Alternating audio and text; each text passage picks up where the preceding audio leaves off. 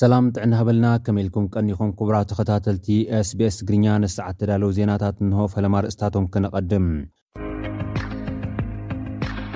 ምስ መንግስቲ ፌደራል ዘለና ርክብ ዝያዳ ክነሕይል ኢና ክብል ፕረዚደንት ትግራይ ኣቶ ጌታቸው ረዳ ተዛሪቡ መንግስቲ ኢትዮጵያ ዝርርብ ምስ ኦነግ ኣብ ታንዛንያ ከም ዝጅምር ቀደማ ሚኒስትሪ ኢትዮጵያ ኣፍሊጡ ስድራቤትን ኣማኻሪ ሕግን ኣቶ ሳምሶን ተኽለሚካኤል ኣብ ልዕሊ መንግስቲ ኢትዮጵያ ክሲ ከም ዝምስርቱ ሓቢሮም። በስገዳድ ተጨዊና ኣብ ኤርትራ ወተሃደራዊ ስልጠና ክንወስድ ተገዲድና ክብሉ ገለ ተጋሩ ተዛሪቦም ዝብሉ ነዚ ሰዓት ተዳለዉ ዜናታት እዮም። ናብ ዝርዝራቶም ክንቅጽል። ምስ መንግስቲ ፌደራል ዘለና ርክብ ዝያዳ ከነሐይል ኢና ክብል ፕረዚደንት ትግራይ ኣቶ ጌታቸው ረዳ ተዛሪቡ። ንሰላም ክንብል ኩሉ ክንገብር ኢና፣ ምስ ፌደራል መንግስቲ ዘለና ርክብ ዝያዳ ክነሐይሎ ኢና ዝበለ ኣቶ ጌታቸው ረዳ፣ ክልላት እውን እዚ ክገብሩ ተላብዩ ኣሎ።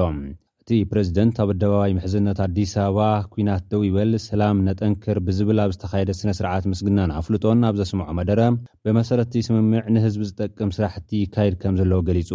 ቀዳማይ ሚኒስትር ኣብዪ ኣሕመድ ነቲ ስምምዕ ብቕልጡፍ ተግባራዊ ንምግባር ንዝገበሮ ተባዕ ተወፋይነት ብምምስጋን፣ ዝተረፉ ስራሕቲ በቲ ዝተመደበ ግዜ ብቕልጡፍ ክስርሑ እውን ሓቲቱ ኣሎ። ካብ ህዝቢ ትግራይ ናይ ፍቕርን ሰላምን መልእኽቲ ሒዘ መፂኤ ኣለኹ ዝበለ ኣይተ ጌታቸው፣ ህዝቢ ትግራይ ባህጊ ኲናት የብሉን ሰላም ጥራሕ እዩ ብምባል ብመገዲ ዓፋር ህዝባዊ መጓዓዝያ ከምዝተጀመረ ብምሕባር፣ ብወገን ክልል ኣምሓራ እውን ተመሳሳሊ ኣገልግሎት ንምጅማር ብሓባር ክስራሕ ከምዝግባእ ገሊጹ። ካብ መንፈስ ምትህልላኽ ወጺእና ናይ ፍቕርን ስራሕን ቋንቋ ክንጅምር ኣለና፣ ግዝያዊ መንግስቲ ትግራይ ድማ ሰላም ንምርግጋጽ እጃሙ ከወፍእ እዩ ክብል ድማ እቲ ፕረዚደንት ሓቢሩ ኣሎ። ኣብቲ መድረኽ ኣፍልጦ ዝተውሃቦም ፕረዚደንት ናይጀርያ ነበርን ፍሉይ ልኡኽ ሕብረት ኣፍሪካ ኣብ ቀርኒ ኣፍሪካን ኦሊሰንጎን ኦበሳንጆ ነቲ ኲናት ንምህዳእ ዝተኸደ መገዲ ውፅኢታዊ ከምዝኾነ ገሊፆም። ነበር ፕረዚደንት ኬንያ ኡሁሩ ኬንያታ ብወገኖም፣ ተፃባእቲ ዝነበሩ ሓይልታት ናብ ስምምዕ ምብፅሖም ንካልኦት ኣፍሪካውያን ኣብነት እዩ ኢሎም ኣለው። ኣቦ ወንበር ኮሚሽን ሕብረት ኣፍሪካ ሙሳ ፋቂ ማሃማት ድማ ኣብ ፅባሕ ብተኸተልቲ እምነት ክርስትናን እስልምናን ዓብዪ ቦታ ዘለዎም በዓላት ትንሳኤን ዒድ ኣልፈጥርን ከምዚ ዝበለ ጉዳይ ሰላም ምእካብና ዓብዪ ትርጉም ዘለዎ እዩ ኢሎም። መንግስቲ ኢትዮጵያ ዝርርብ ሰላም ምስ ኦነግ ፅባሕ ኣብ ታንዛንያ ከምዝጅምር ቀዳማይ ሚኒስትር ኣብይ ኣሕመድ ተዛሪቡ። እቲ ድሕሪ ኣርባዕተ ዓመታት ዝጅምር ዘሎ ዝርርብ ሰላም ብምምልካት ህዝቢ ወለጋ እፎይ ንክብል ኩሉ ወገን ናይ ባዕሉ ግደ ንክፃወት ድማ እቲ ቀዳማይ ሚኒስትር ተዛሪቡ ኣሎ። ሰራዊት ሓርነት ኦሮሞ ኣማስዩ ትማል ኣብ ዝሃቦ መግለፂ ብቀዳማይ ሚኒስትር ዝቐረቡ ሓሳባት ከምዘስማዕማዕ ብምግላፅ ነቲ እቲ ቀዳማይ ሚኒስትር ኣብይ ኣሕመድ ዘቕረቦም ሓሳባት ኣፍልጦ ሂቡ ነቲ ንሱ ዘቕርቦ ቅድመ ኩነት ተቐቢሉ እዩ ድርድር ሰላም ብምክያድ ምስ ሳልሳይን ናፃን ወገን ክዘራረቡ ከምዝደሊ ገሊፁ ዘሎ። ብኻሊእ መዳይ ኣብ ዝቕፅል ሰሙን ብምክትል ፕረዚደንት ፓርቲ ብልፅግና ዝምራሕ ልኡኽ ናብ መቐለ ከምዝጓዓዝ እቲ ቀዳማይ ሚኒስትር ሓቢሩ ኣሎ። እቲ ልኡኽ ርእሰ ምምሕዳር ኩለን ክልላት ኢትዮጵያ ዘካተተ ከምዝኸውን እውን ኣብሪሁ። ኢትዮጵያ ናብ ሱዳን ሓገዝ ንምልኣኽ ምድላው ከምዝገበረት እውን ቀዳማይ ሚኒስትር ኣብይ ኣሕመድ ዝተዛረበ ኮይኑ፣ ኣብቲ ሓገዝ ሓምሳ ሽሕ ኩንታል ስርናይ ናብ ሱዳን ከምዝለኣኽ ኣፍሊጡ እዩ። ሓይልታት ሱዳን ንሰላማዊ ኣማራፂ ቀዳምነት ክህቡ ድማ እቲ ቀዳማይ ሚኒስትር ፀዊዑ ኣሎ። ስድራቤትን ኣማኻሪ ሕግን ኣቶ ሳምሶን ተኽለሚካኤል ኣብ ልዕሊ መንግስቲ ኢትዮጵያ ክሲ ከምዝምስርቱ ኣፍሊጦም። ንልዕሊ ዓሰርተ ትሽዓተ ዓመታት መንበሪኡ ኣብ ኬንያ ዝገበረ ኢትዮጵያዊ በዓል ሃብቲ ኣቶ ሳምሶም ተኽለሚካኤል ቅድሚ ሓደ ዓመትን ፈረቓን ኣብ ናይሮቢ ናይ ፖሊስ ክዳን ብዝተኸድኑ ውልቀሰባት ተጨውዩ ከምዝተወስደ ክሳብ ሕዚ ሃለዋቱ ከምዘይፍለጥ በዓልቲ ቤቱ ወይዘሮ ሚልየን ሓለፎም ንጋዜጠኛታት ተዛሪበን ኣለዋ። ወይዘሮ ሚሊየን ኣብ ኬንያ ንዘሎ ኤምባሲ ኢትዮጵያ ብዛዕባ'ቲ ጉዳይ ዋላ'ኳ ደጋጊመን እንተሓተታ ክሳብ ሕዚ ሓበሬታ ከምዘይረኸባ'የን ገሊጸን።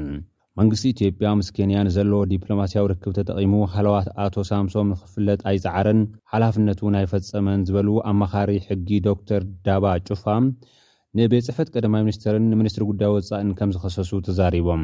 እዞም ኣካላት መሰል ዜጋ እናተጠሓሰ ግቡኦም ኣይፈጸሙን ዝበሉ ዶክተር ዳባ፣ ኣብ ኢትዮጵያ ኤምባሲ ኬንያ'ውን ነቲ ጉዳይ ንመንግስቱ ብዘይምፍላጡ ሳልሳይ ተኸሳሲ ከምዝኾነ ሓቢሮም።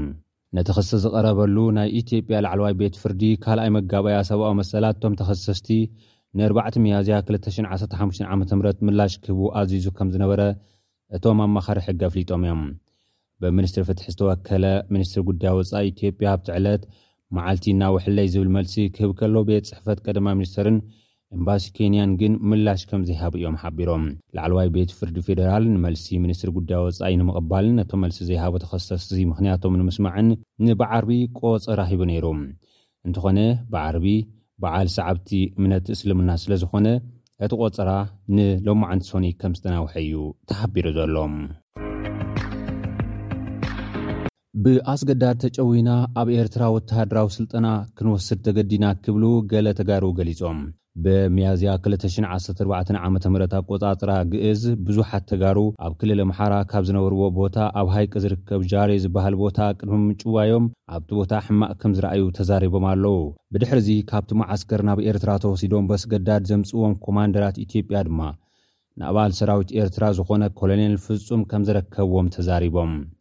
እቶም ግዳያት ብወተሃደራዊት መኪና ኣብ ዞባ ጋሽ ባርካ ናብ ዝርከብ ጎልጅ ዝበሃል ቦታ ከም ዝወሰድዎም ደምሂ ዝብል ስም ተዋሂብዎም ናይ ሰራዊት ኢትዮጵያ ዝነበረ ዩኒፎርም ከዲኖም ድብያ፣ ተኹሲ፣ እግሪ ጉዕዞን ጉያን ስልቲ ውግእን ዘካተተ ወተሃደራዊ ስልጠና ከም ዝሃብዎም፣ ገለ ካብኣቶም ግን ሃዲሞም ከም ዘምለጡ ካልኦት ክሃድሙ ዝፈተኑ ድማ ቁጽሪ ሸሞንተ ብዝስማእ ኣግባብ ከቢድ መቕጻዕቲ የጋጥሞም ከም ዝነበረ ሓቢሮም።